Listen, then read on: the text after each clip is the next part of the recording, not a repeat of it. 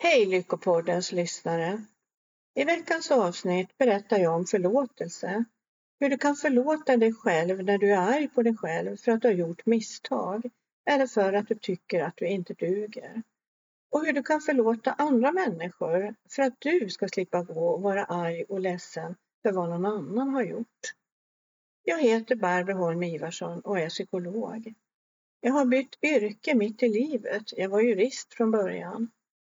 Som psykolog har jag mest av allt jobbat med tobaksavvänjning och med motiverande samtal, MI. Men sedan min bok Förlåt och bli fri kom ut för ett par år sedan arbetar jag heltid med att hjälpa människor förlåta. Jag har djup egen erfarenhet av att vara olycklig på grund av oförlåtelse och ta mig ur det. Det enda jag tycker är riktigt viktigt i livet numera är att sprida kärlek, glädje och förlåtelse. En kul sak du kanske inte skulle tro om mig är att jag har seglat fram och tillbaka till Venedig. En fantastisk resa som tog sju år. Ni lyssnade precis på veckans gäst, Barbro Holm Ivarsson. En helt fantastiskt klok kvinna med erfarenhet och massor av kunskap. Har du svårt att förlåta dig själv eller andra? Då är det här avsnittet för dig. Förlåt är någonting du gör för din egen skull, för att lyfta en börda från dina egna axlar. Du kan inte vara både arg och lycklig, menar Barbro. I över 30 år har hon hjälpt människor att förlåta. Hon är juristen som sadlade om till psykolog och blev en av landets främsta experter på tobaksavvärjning och motiverande samtal. Men efter att hon släppte den populära boken Förlåt och bli fri har hon arbetat heltid med att guida människor till förlåtelse. I dagens podd pratar vi om vad förlåtelse är, varför det är så viktigt, hur man gör för att förlåta, hur man kan få hjälp från en högre nivå av sitt medvetande för att förlåta och mycket mer. Jag själv satt med papper och penna och antecknade för fullt under det här samtalet. Jag heter som vanligt Agnes Sjöström och den här podden presenteras i samarbete med hypnotication.com. Varsågoda, det här vill ni inte missa.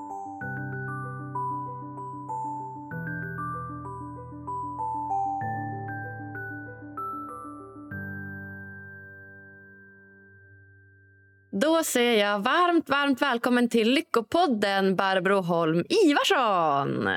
Tack så mycket. Wow, wow, wow, vad spännande det här ska bli, Barbro. Vi pratades ju vid en snabbis här förra veckan och jag blev ju helt såld på dig och, och dina kunskaper. Så att, ja, jag har till och med tagit fram anteckningsblocket här och tänkte att jag skulle lära mig lite och skriva ner samtidigt om dagens ämne. Mm, fint. Det känns ju jättekul att, att ha dig med. Och Eh, det vi ska prata om idag är ju en viktig nyckel till att bli riktigt lycklig och tillfreds. Det är ett av dina expertområden som du har arbetat med i över 30 år som jag förstår. Och Det är ju nämligen då konsten att förlåta både sig själv och andra. Mm, det stämmer det. Ja, först måste jag ju kolla med dig om du kan förlåta mig för att ha bokat in dig så tidigt på morgonen, Barbro. Den är ju bara strax över åtta här. Kära vän, du är förlåten. Vi får inte haka upp oss på så små saker här i livet. Nej, det är helt, helt sant. Men det är sant. Det finns stora oförlåtelser och små oförlåtelser naturligtvis. Vi ska ja. väl prata om de som är lite större än så. ja, men det tänker jag också. Det, det är faktiskt alltid relativt och det kan ju vara en ganska världslig sak egentligen. Jag själv är ju väldigt morgonpigg så jag tycker att det är fantastiskt att vi pratar ja, med varandra nu. samma här, jag är också morgonpigg. Ja, men då så. Ha, jo, det är nämligen så som du säger att vi ska prata idag om förlåtelse. Mm. Och min första fråga är ju då så här, har du lätt att förlåta andra människor? Eller hur kommer det sig att du börjar jobba med det här ämnet? Jag tränar ju. Jag har ju tränat i 30 år. så om jag inte har lärt mig det på 30 år så skulle det vara väldigt konstigt. Men jag sant. tror faktiskt att för vissa, vissa människor har lätt för det här och gör det lite automatiskt. Eh, förlåter. Och, eh, I meningen att släppa då. Eh, släppa och gå vidare. Eh, eh, när någonting jobbigt har hänt som man blir sårad eller ledsen över. Men andra har ju kanske lärt sig att vara helt enkelt oförlåtande. Och det gjorde jag när jag växte upp. Jag växte upp i en familj där oförlåtelse hörde till vardagsmaten. Man gick, eh, eller min pappa framförallt då, han gick hela tiden och var arg och irriterad för att andra människor inte var som de skulle eller gjorde som de skulle. Och det var många olika människor men man var ju väldigt missnöjd med, oss barn då och framförallt mig. Det var, jag gjorde inte som jag skulle och jag var inte som jag skulle och jag förstod inte vad det var för fel på mig eller hur jag skulle göra.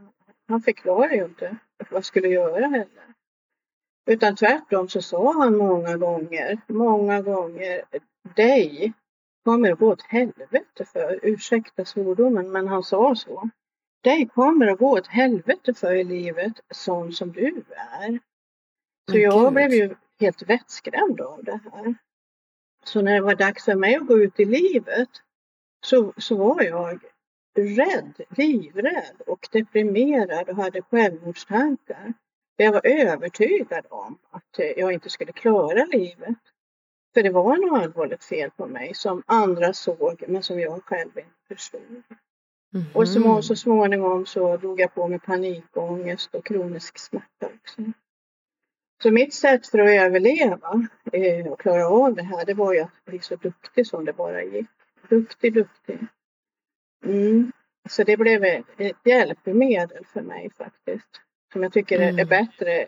Jag ska inte klaga så mycket på duktiga flickan tycker jag. För att det kan vara ett sätt att klara av en svår situation som är bättre än många andra sätt som man kanske kunde ha tagit till. Mycket bättre än om jag hade blivit deprimerad, fortsatt att vara deprimerad. Jag klev fram istället och blev duktig och tog mig ur det här så småningom. Men eh, och, eh, jag kan säga att när jag lärde mig förlåtelseprocess som jag arbetar med då, en process där man, där man går igenom och eh, lär sig, går igenom vad som har hänt och lär sig att släppa det. Eller att förlåta sig själv, gå igenom sina tankar om sig själv och sen ändra på dem. När jag lärde mig det så blev det mitt livsverktyg. Och ingenting har hjälpt mig så mycket som det att ta mig ur det. Och sen har jag naturligtvis fick jag ju många konflikter också eftersom jag hade lärt mig att man skulle gå och titta eh, se omkring. Vilka människor det är som inte är som de ska och gör som de ska? Så att jag, då, då hade jag hjälp av metoder för att ta mig ur det också. Ta mig ur konflikter som jag hamnade i. Så det här har verkligen blivit ett livsverktyg för mig, förlåtelseprocesser. Mm. Ah, wow, så himla spännande. Ah, att förlåta, jag känner igen mig så mycket i det du säger, det här duktig flicka-syndromet och mycket andra, andra saker som, som har gjort att man har blivit den man är idag. Att man är tvungen att äh, vara duktig istället för att vara okej okay, precis som man är. Så att jag kan verkligen relatera. Men om vi då tar dina klienter, du pratar mycket om de här verktygen som du har, eh, som du använder. Hur, hur gör man för att förlåta en annan person? Ja, men först kanske man skulle reda ut lite grann vad förlåtelse är, mm. tänker jag. Mm. För att vad är en oförlåtelse? Det är ju att man känner sig sårad och arg och kränkt över någonting som en annan människa har gjort. Och om man går då och eh, ältar det här och eh, eh, tänker på det och är arg och ledsen, grubblar och grubblar och har sina arga tankar. Och det här då leder ju då till, till att man inte kan ha sinnesfrid.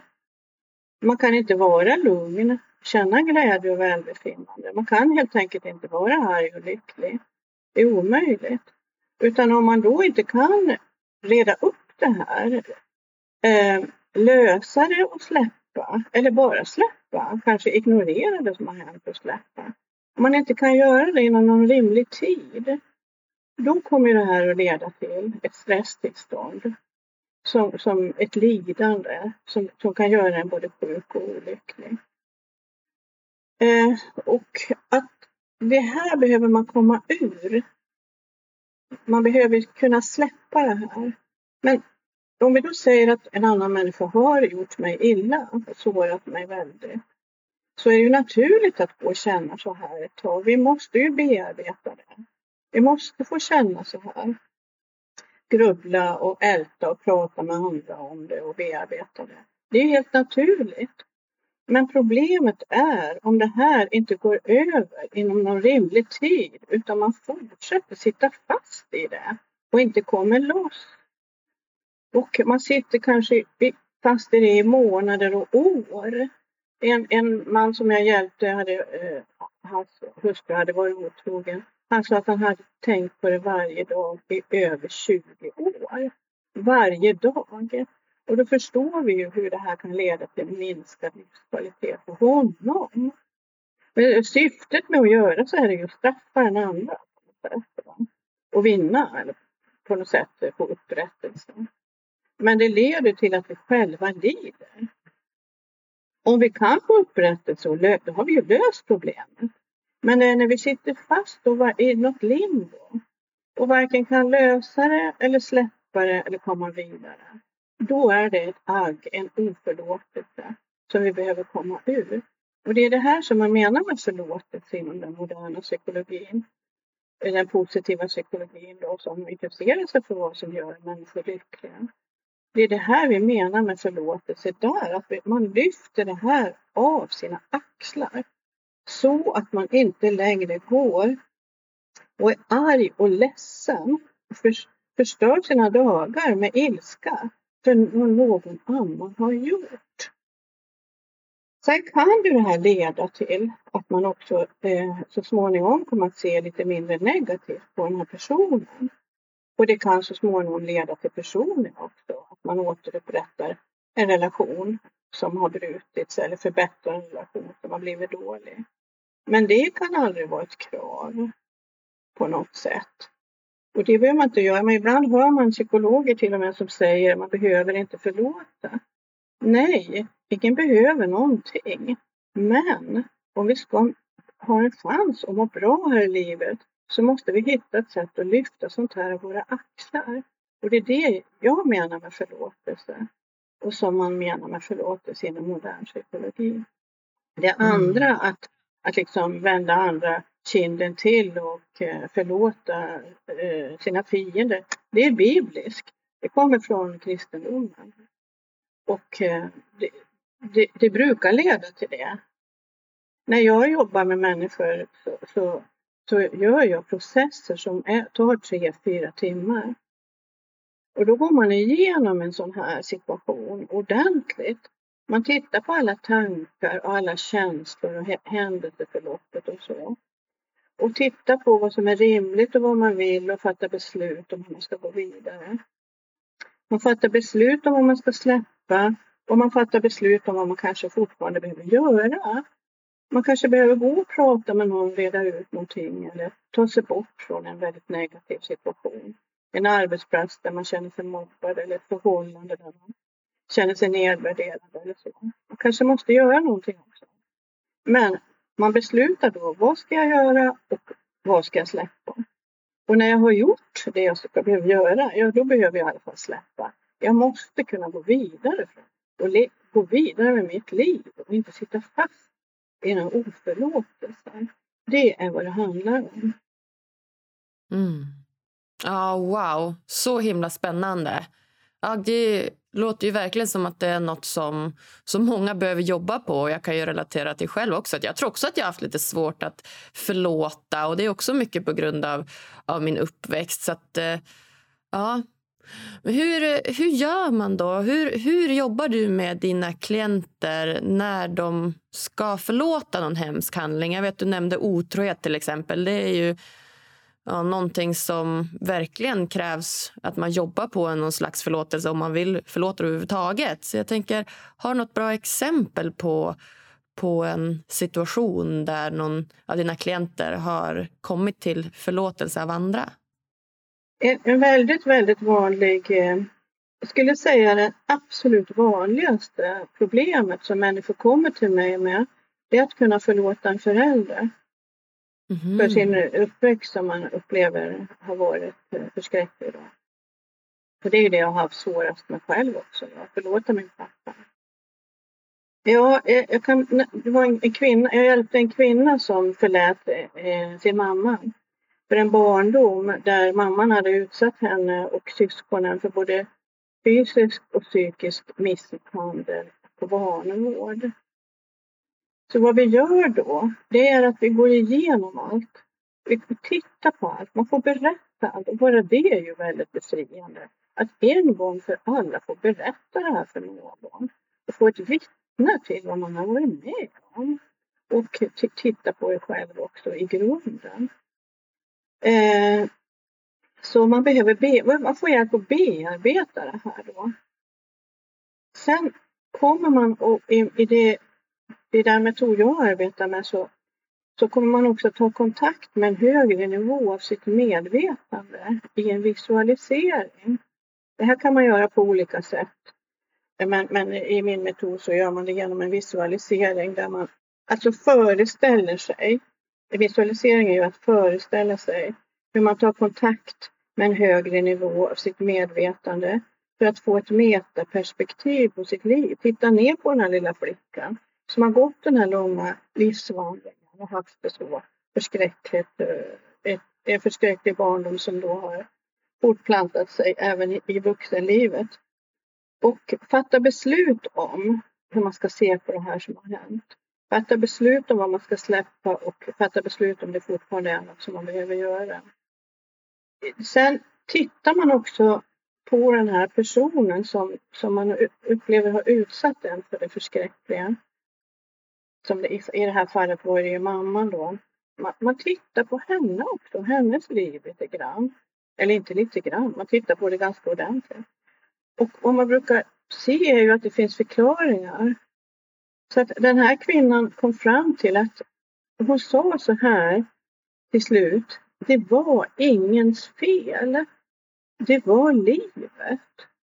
För hon mm. kunde förstå, hon insåg den här processen att mamman hade haft det ännu värre och hade helt enkelt inte förmåga till eh, att ge sina barn en bättre, en bättre uppväxt.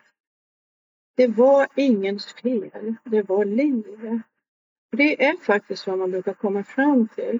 Man brukar komma fram till en förståelse, någon slags medkänsla för den här personen som man upplever har gjort en illa.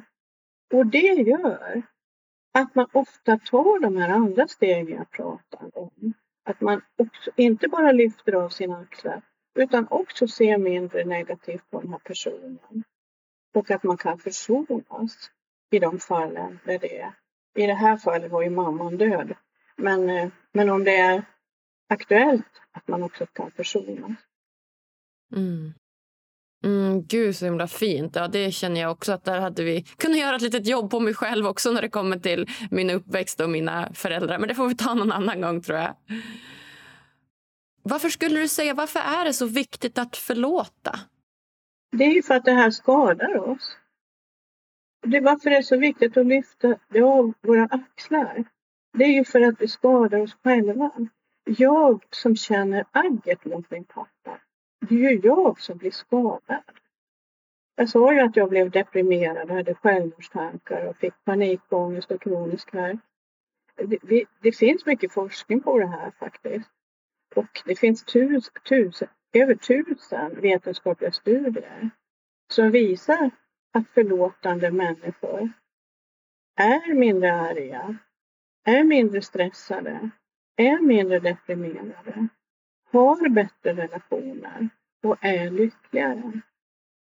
Så att det, om, om vi säger att en människa har gjort mig väldigt illa, den ska ju inte få förstöra resten av mitt liv också. Eller hur? Om den har gjort mig illa i förgångna, då måste jag sätta stopp för att jag själv inte låter den här personen fortsätta skada mig framåt i tiden också genom att jag med mina egna tankar återupprepar det här i mitt medvetande och förstör mina, mina, mina chanser till att känna mig lycklig. Du kan inte vara arg och lycklig. Det är jätteviktigt att, att veta det. Du kan inte vara arg på andra och inte på dig själv. Det går inte ihop med lycka. Det går inte ihop med sinnesfrid. Det går inte ihop med glädje. Och det är ju vad vi vill ha här i livet. Jo, vi alla söker hela tiden. Mm. Verkligen. Så att, att förlåta någon annan det har ju mer att göra med sig själv och sitt egna mående än mm. då den andra personen. För Jag kan ju känna igen att, att om man är arg på någon för en händelse eller en situation så lägger man ju oftast det på den personen, att det är den det är fel på. Att det är den som behöver förändra sig. Men egentligen så, så kanske det handlar om, om mig själv och någon slags acceptans från min sida. Mm. Mm. Det är du som måste förändra dig. Mm. Det är en inre process. Den här andra personen kommer aldrig få veta någonting. Vi gör inte för den andra personens skull heller. Men den andra personen kommer ofta att ändå uppleva effekterna av det här. För som mm. jag sa så brukar en medkänsla växa fram och ofta försonas också. Man kan mm. förbättra relationen. Men jag tycker en, en viktig sak att säga här som man inte får glömma är att om det är så att man har aktuella hot och kränkningar, om man lever i ett förhållande där man blir misshandlad eller jobbar på en arbetsplats där man blir eh, mobbad, då måste man ju först göra någonting åt situationen innan man kan förlåta. Då är förlåta steg två. Först mm. agera för att sätta stopp för kränkningar och sätta gränser, be om hjälp om man behöver det. Sen förlåta. Mm. Mm. Ja men verkligen, det är bra. För det var min nästa fråga här. Är det, är det någon klient som du har jobbat med som inte har velat förlåta och som inte har kommit till förlåtelse? Som väljer att säga, jag tänker inte förlåta. Det finns ju många som man har träffat i sitt privatliv och professionella liv också. Men i det här arbetet så kommer ju människor till mig för att de vill ha hjälp att komma ur det. Mm, just det. Jag tror att man, om, man lider till, om man har lidit tillräckligt så kommer man en dag till en punkt när man känner att jag måste få hjälp att släppa det här, annars blir jag tokig. Mm. Ja men verkligen. Som till exempel den här personen som hade tänkt på otrohet varje dag i 20 år. Hon, hon, hon kände, alltså personen kände ju att jag blir tokig, jag måste bara få hjälp med det här. Mm. Och hade då fått hjälp, veta att jag ju arbetar med förlåtelse. Ja, Men jag vet du, jag har faktiskt någonting att bjuda på här. För att mm. det finns en test på fem frågor om man har en oförlåtelse i sitt liv som man riskerar att må, må dåligt av. Ska jag säga de fem frågorna kan ju lyssnarna få känna efter själva. Gäller, det här mig eller? Ja men jättegärna, berätta, det är ju perfekt. Ja. Då är första frågan här. Är en person som har gjort dig illa en slags skurk i en historia som du berättar för dig själv? Andra frågan. Tänker du mycket på din smärta och på vad du har fått offra? Tredje frågan. Märker du att du talar till personen som du tycker har gjort dig illa i dina tankar, även när personen inte är där? Fjärde frågan. Berättar du ditt lidandes historia för andra människor? Och så den femte och viktigaste frågan här är så här har din historia varit sig lik under mycket lång tid? För att det är ju det här som det handlar om, den springande punkten. Har man fastnat i det här? För en kort tid kan ju det här eh, få vara så att man ältar och pratar om det och så. Och det är olika hur lång tid man behöver för det att bearbeta det. Det blir olika beroende på vad det handlar om, hur svårt mm. det här är. Men, men fortast möjligt behöver man ta sig ur det i alla fall. Mm, så fort som det, som det går. Så det är alltså fem frågor för att veta mm. om man har uppnått förlåtelse eller inte?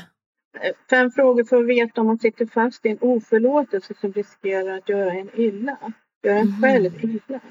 Mm, just det. Mm. Om man då svarar ja på de här frågorna, det är då som man behöver ta tag i sin, sin förlåtelseprocess. Om, ja. Speciellt om, om man om man då svarar ja på alla frågorna, alltså att man mm. även har suttit fast i det här under mycket lång tid.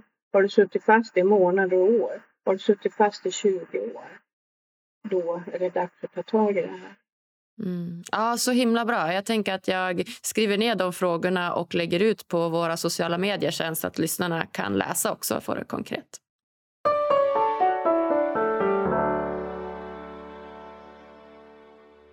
Vill du stärka din självkänsla, sova gott och må bättre? Då borde du testa vägledd självhypnos det enda du behöver göra är att lyssna, slappna av och följa instruktionerna. Gå in på hypnotication.com och hitta dina favoriter idag. Ange koden LYCKA för 15% rabatt på hela köpet.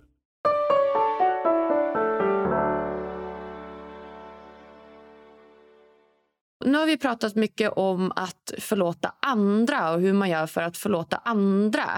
Men ibland kan det vara så att den största fienden man har i livet nästan är en själv. Att man har svårt att förlåta sig själv. Hur jobbar du med det? När det gäller självförlåtelse så, så tycker jag att man kan, det, det är två olika sätt att se på det. Det ena fallet så har man gjort någonting, ett fel eller misstag som man ältar och sitter fast i för att man inte kan förlåta sig själv för. Man, man inte kommer vidare då. Det andra är ju att man eh, säger till sig själv att man inte duger. Att man är arg på sig själv, kritiserar sig själv, fördömer sig själv, skäms för sig själv, kanske till och med skadar sig själv. Jag duger inte, jag är inte bra, jag är dum och dålig och andra människor kommer snart att vända mig ryggen ingen tycker om sådär. För det är två olika saker. Ibland är det både och. Som är väldigt, väldigt vanlig sak som jag kanske redan har nämnt är kvinnor som tycker att de har gjort för lite för sina barn. Mm. De, de, har svårt att förlåta sig själva för de tycker att de har gjort fel, gjort för lite och de är dåliga. Då kan det vara både och man behöver jobba med. Men man måste jobba lite olika med de här två olika aspekterna. Berätta mer. Hur gör, vad, vad är det som skiljer dem åt? Om vi då tar det här första fallet att man har gjort någonting fel. Jag kan berätta en eh, kvinna som jag hjälpte som ehm, en, en mörk höstdag, höstkväll, tog bilen tillsammans med sin bästa väninna, tog bilen för att hälsa på en annan vän men när hon, körde ute, när hon körde ute på riksvägen så skulle hon köra om en långtradare. Och hon bar sig inte bättre än att hon frontalkrockade med en annan bil. Och den här mm. lilla bilen voltade ner i diket och hamnade som tur var på hjulen. Men när hon, hon böjer sig över sin bästa vän Lisa så ser hon att Lisa är på väg in i medvetslöshet. Hon skriker mm. Lisa, Lisa, dö inte, dö inte, du får inte dö. Men senare förstod hon att Lisa, hon hade faktiskt dött i hennes armar. Oh, och hon blev själv väldigt svårt fysiskt skadad men hon blev ju ännu värre psykiskt traumatiserad av det här. Och hon bearbetar det på olika sätt. Ibland kan man behöva ha traumabearbetning först. Men eh, i det här fallet så hjälpte jag henne förlåta efter ett tag. Gå igenom en förlåtelseprocess. Och då går man igen igenom det här händelseförloppet. Man går igenom alla tankar och känslor och vad som har hänt. Och eh, försöker se på det med förnuftet, skulle man kunna säga. Alltså man kopplar in en, en eh, högre nivå av sitt medvetande som jag sa. Jag kallar den här nivån för högre självet, men man kan kalla det för vad man vill observerande självet eller medkännande självet är väldigt vanligt att man kallar det för i moderna psykoterapier. Men, men med, med, med, hjälp av den här delen av sitt medvetande då som man kan fatta beslut och göra analyser och, och som, ja, som, som har ett högre perspektiv egentligen på, på ens liv. Så kunde hon se att, hon, att det var orimligt att tro hon drog slutsatsen att det är orimligt att tro att jag med mitt enkla beslut att ta bilen en torsdagkväll och köra om en långtradare ska ha makt att, att påverka så att en, en annan människa bara ska få 30 år i livet. Det kan inte vara mm. på det sättet. Det måste finnas en högre mening på något sätt. Så, och hon tyckte också att hon fick en slags kontakt med sin döda vän i den här processen. Och att vännen gav henne budskapet att hon inte skulle ville att hon skulle förstöra sitt liv med, med att gå älta henne. Så mm. hon hade en oerhörd hjälp av den här processen. Mm, jag märker det. Gud, så himla fantastiskt. Ja. Och sen i andra fall när man har skadat eller sårat någon eller kränkt någon så, så kan det ju vara att man måste först reparera. Ta ansvar för, stå för vad man har gjort och ta ansvar för det. Kanske be om förlåtelse eller gottgörande personer på något sätt. Och, och om man håller hela tiden, om man har kontinuerligt ett beteende som, som förstör för sig själv och andra.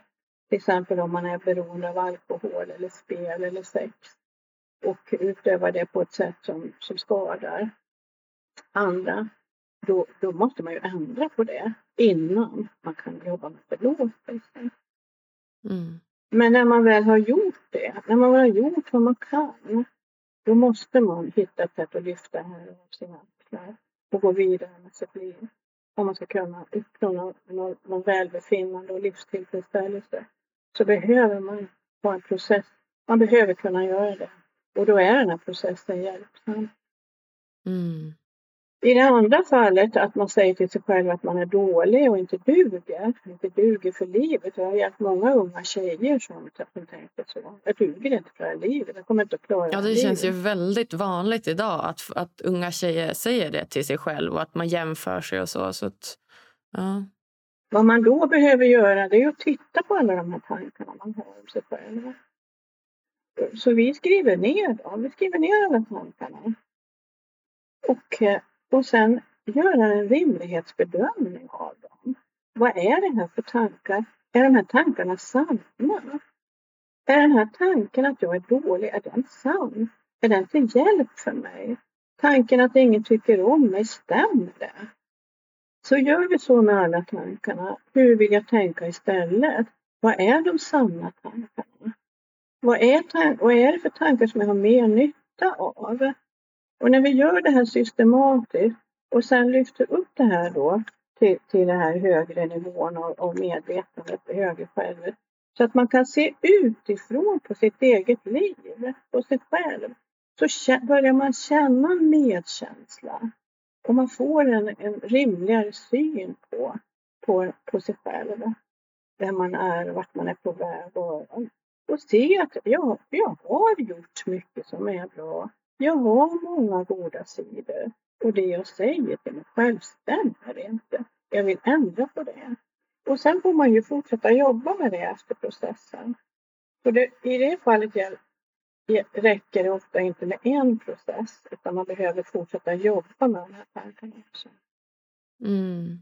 Så i många, I många av de andra förlåtelseprocesserna så är det så att en enda process kan hjälpa en med det problem man har. Till exempel, jag har hjälpt många som har känt att de är mobbade på jobbet eller har konflikter på jobbet. Det är väldigt vanligt att en enda process löser problemen. För att man kommer på vad man, man ska göra så går man hem och gör det. Och sen har man löst problemet. Men som sagt här, här är det kanske så att man, eller här är det ju så att man måste fortsätta jobba med, med sina tankar. Mm. Mm. Ja, precis. För Du nämner det med tankar. Det känns som att det börjar ju mycket där i ens, ens egna huvud och vad man själv säger till sig själv. Mm. Men Säg då att vi har en, en ung tjej som ja, kanske har haft en lite jobbig uppväxt och som också har lärt sig att ja, men jag duger inte, jag duger inte, jag är inte bra, jag klarar inte skolan, alla andra är bättre än mig. Och sen så, så går hon igenom en process med dig och så sen försöker man komma till det här högre självet som du pratar om. Hur, hur gör man för att få kontakt med det högre självet? Det, det gör man i en visualisering där man föreställer sig det högre självet. Och, eh, och talar till det högre självet, ber om hjälp av det högre självet och ber om vägledning av det högre självet. Och eh, föreställer sig hur man tar emot det högre självet, kärlek och vägledning det högre självets medkänsla, det högre självets acceptans. För jag tänker att det högre självet är något annat än vardagsjaget. För I vardagsjaget är vi så stressade och det, vardagsjaget har ju ofta kontakt med det här som vi kallar för hotsystemet eller reptilhjärnan. Där vi hela tiden håller utkik efter hot. Och eh, eh, så länge vi är i vardagsjaget är det svårt att få kontakt med de allra, allra visaste delarna av oss. Men eh, vi har visa delar av oss själva som, som sitter framme i pannloben. och eh, med viljan så kan vi stilla oss med hjälp av någon metod som till exempel meditation, mindfulness, bön eller visualisering. Det innebär att man stillar sig fullkomligt. Och då kan man få kontakt med de här delarna av eh, sitt eget, sitt eget medvetande. Som vet eh, eh, vem man är, vad man har, den innersta viljan. Vad vill man innerst inne? Vart är man på väg innerst inne? Vad har man för värderingar innerst inne? Vill, vem vill du vara i världen? Man kommer kanske fram till att ja, men jag vill ju vara en kärleksfull och medkännande människa. Eller man kommer fram till jag, jag vill se att jag är värdefull. Att jag är lika värdefull som någon annan på jorden. Mm. Man kommer kanske fram till den här delen av vårt medvetande kan göra analyser av en situation. Om vi då säger att man har gjort någonting som man har svårt att förlåta sig själv för, ett misstag eller ett felsteg. Vad man brukar komma fram till är ja, jag är bara människa. Jag, jag förstod inte. Jag förstod inte det jag inte förstod. Jag kunde inte det jag inte kunde. Jag orkade inte det jag inte orkade. Jag insåg inte det jag inte insåg. Jag gjorde mitt bästa just då. Jag gjorde vad jag trodde på i stunden och mer kan ingen göra. Det är livet. Det, så är det för alla människor på planeten. Det är vad man brukar komma fram till.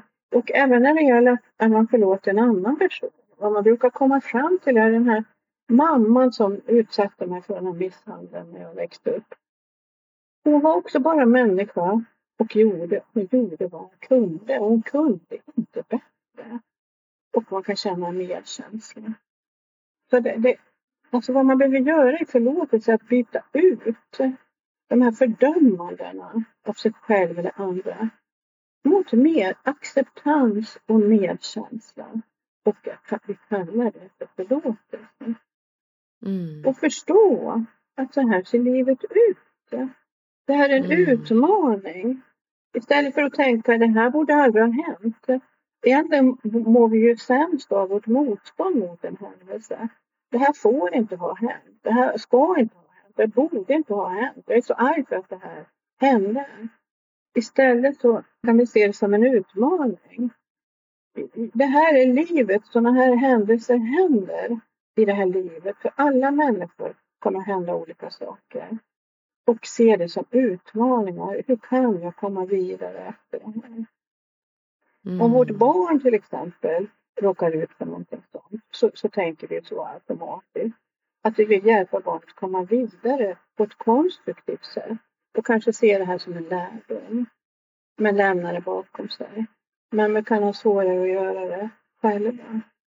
Mm. Ja, verkligen. Det, gud, jag kan verkligen relatera. Det, det märks att du har över 30 års erfarenhet av det här och att du har hjälpt många. Och, ja, men skrivit en bok har du gjort också som heter just Förlåt och bli fri som du släppte 2018.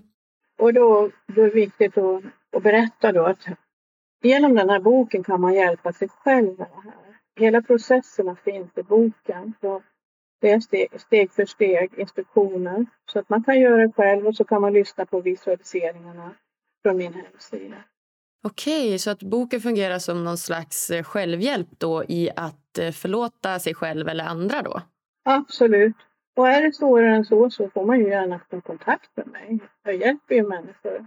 Just nu på grund av corona så gör jag det på Zoom eller Skype eller telefon. Men som sagt var, de här långa processerna som jag gör tar eh, många timmar tre, fyra timmar brukar de ta. Men man sitter och jobbar med boken kan man ju ta det i steg också. Och det tar ja. kortare tid. Är det liksom tre, fyra timmar som du kör eh, liksom direkt med en person eller delar ni upp det per timme eller hur funkar det? Det är en lång process. En lång process. Ibland kan vi ta, nu när jag har gjort det på, på Zoom har vi ibland delat upp det på två olika dagar. Vad härligt att du nu gör det via Zoom. För jag tänker att då kan du nå ut till så himla många fler ändå. Ja, jag tänker så. Så viktigt. Jag tänker också att alla människor någon gång under sitt liv kommer råka ut för någonting sånt här. Att man har någonting som är otroligt svårt att förlåta. Och ofta så uppstår det i nära relationer. Så att, att förlåta föräldrar eller, eller vux, föräldrar förlåter vuxna barn, det är det vanligaste. Men det kan ju även vara partners, arbetskamrater som jag har sagt och myndighetspersoner kan man behöva förlåta. Jag tycker att man har blivit eh, dåligt eh, behandlad i vården. Jag hade en, jag hade en kvinna som förlät en lång rad läkare och kuratorer och sjukgymnaster för att hon tyckte att hon hade eh, fått så dålig hjälp med sin kroniska värk. Men att hon kokade av ilska, det förstod hon ju själv att det gjorde hennes kroniska värk och hennes tillstånd mycket, mycket värre. Så hon var tacksam att lyfta av de här, lyfta det här ur sina axlar. Det, det hon kom fram till var att de här människorna ville ju inte skada mig. De var inte så kompetenta bara. De försökte göra sitt jobb. De ville mig väl och försökte göra sitt jobb. Men var kanske alla gånger inte så kompetenta. Det är livet. Jag tror att en sak som vi behöver tänka är, det är livet. Vi kommer hit till planeten utan att ha, att ha valt det. Plötsligt är vi bara här. Och sen ska vi ta oss fram så bra vi kan.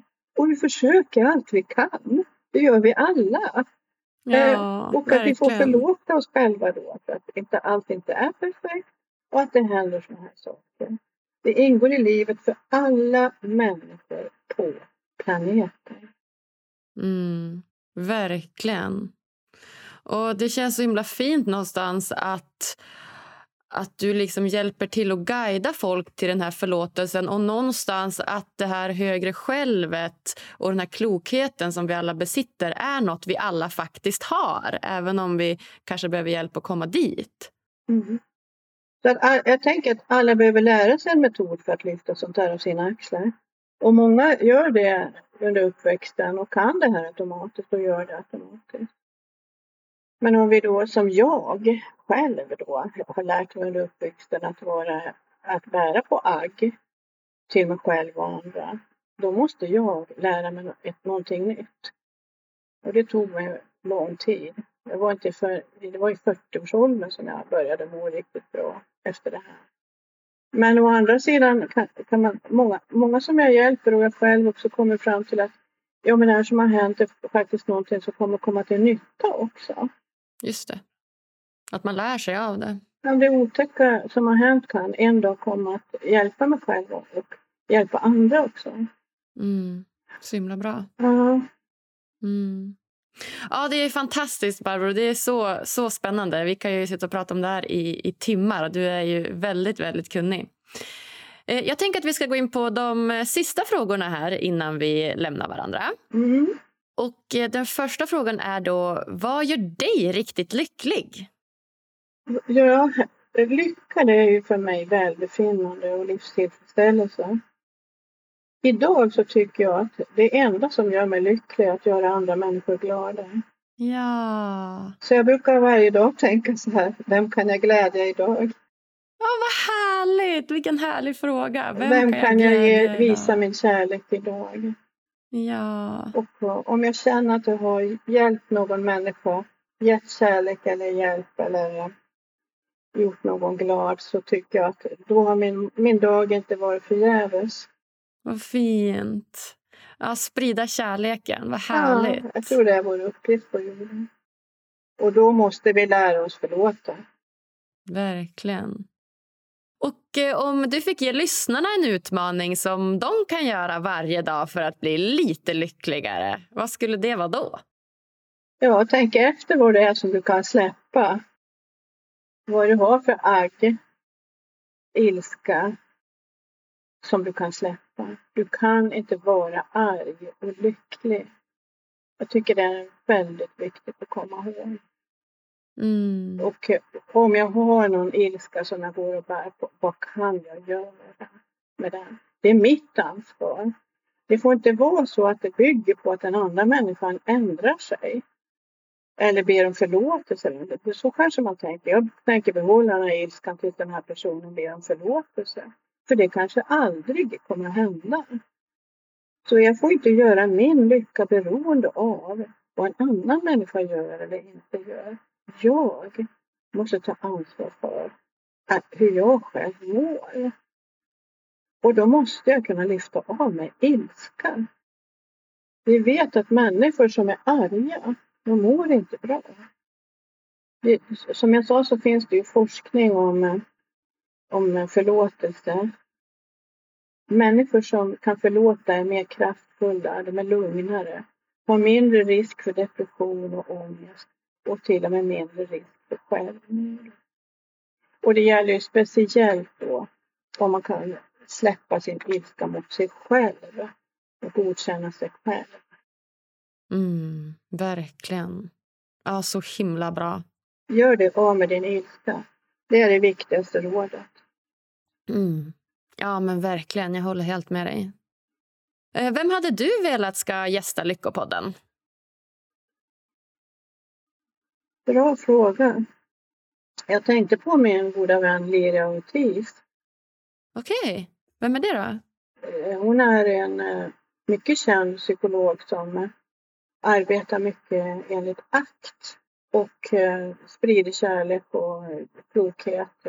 Hon har varit krönikör i Dagens Nyheter i tio år. Wow. Men just nu har hon klivit av det. Hon jobbar på många andra sätt med att sprida kärlek och medkänsla och eh, visdom. Jag tror att hon skulle passa väldigt bra i, i er podd. Ja, vad härligt. Ja, men det ska jag verkligen kolla upp. Det låter som ett jätteaktuellt ämne. Eh, ja, nej, om man vill komma i kontakt med dig då, Barbro, hur gör man då? Ja, men eh, eh, min hemsida kontaktar man mig, barbroivarsson.se. Mm. Så kan man höra av sig den vägen. Ja, men perfekt. Ja, jag tror lyssnarna säkert kommer ha många frågor och vill, säkert många som vill ha lite hjälp också. Det är ju fantastiskt. Mm, välkommen att mejla mig eller ringa mig också. Ja, fantastiskt. Ja, nej, är det något eh, slutligen som du känner att du vill dela med dig av till lyssnarna här innan vi lämnar varandra? Att det är fullt möjligt att lära sig det här. Jag, jag är ett exempel på det själv. Jag, jag har tränat i många år. Men att, att lä, lära sig en metod för att förlåta så har man ett verktyg för livet. Och när man mm. väl har lärt sig det så kan man hjälpa andra också med samma metod. Så det är, det är vad jag har gjort i de här 30 åren.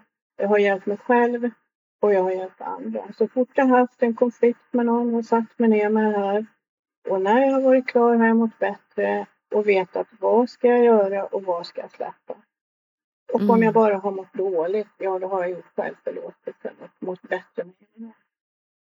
Och sen har jag som sagt var hela tiden sen jag lärde mig det här också hjälpt andra. Och det är så kärlek, det är en så kärleksfull metod det här. För det är underbart att hjälpa andra med det här.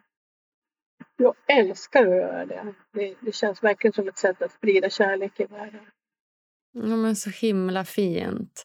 Ja, och förlåtelse i sig känns ju verkligen som något som hjälper en själv, som du säger, och mer att det är någon process för en själv. Och det rättfärdigar ju inte någons elaka beteende på något sätt, utan nej, bara att man nej. kommer till insikt själv. Mm. Bra att du sa det. Vi, kommer, vi säger ju inte att ett dåligt beteende var rätt. Det gjorde ingenting att du våldtog mig. Det säger vi absolut inte. Nej. Men även om du har gjort något sånt förskräckligt mot mig så, så måste jag kunna, jag, jag har kunnat lyfta det av mig. Jag har ett exempel här som jag kanske skulle kunna avsluta med om du vill. Jättegärna. En eh, kvinna som heter Michelle Knight eh, som hon, hon var fången i 11 år i ett hus i USA hos en man som behandlade henne förskräckligt illa under alla de här 11 åren. Hon flydde ju till slut då och har skrivit en bok om det här. Och i den här boken 11 år i fångenskap så säger hon någonting otroligt bra om förlåtelse. Hon säger så här, Jag säger inte att han förtjänar att komma undan med vad han gjorde. Det jag säger är att jag förtjänar att vara fri. Och jag blir inte fri om jag ska gå omkring och vara bitter och hysa agg mot honom. Det enda sättet för mig att få tillbaka mitt liv är att förlåta. För om jag inte förlåter honom kommer han att hålla mig fången två gånger. Först i huset och sedan nu, när han till och med är död. Jag vill göra mig av med mitt hat mot honom så jag kan få tillbaka mitt liv fullt ut. Wow. Ja, starkt. Va? Jag tycker det, det beskriver verkligen kärnan i förlåtelse. Oavsett hur hemskt det är det du har gjort mot mig, så tänker jag inte förstöra resten av mitt liv också genom att gå och tänka på det här. Jag lyfter av mig det här. Jag tänker lyfta av mig det här. Det är mitt beslut. Man fattar mycket beslut när man jobbar med förlåtelse. Wow, Barbro. Ja, helt fantastiskt. Jag är så glad att du ville komma och berätta om din expertis för oss. Och Jag hoppas att lyssnarna har lärt sig jättemycket. Så jag säger verkligen tusen, tusen hjärtligt tack Barbro för att du kom och gästade oss här i Lyckopodden. Tusen tack själv. Wow, kul! Vilket avsnitt, hörni! Nu ska jag arbeta stenhårt med att förlåta alla de relationer som jag känner fortfarande hänger över mig. Har ni någon som ni borde förlåta?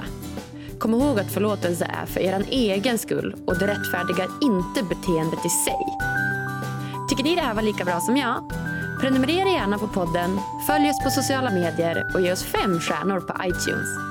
Tack för att just du lyssnar. Vi hörs på tisdag igen. Puss och kram!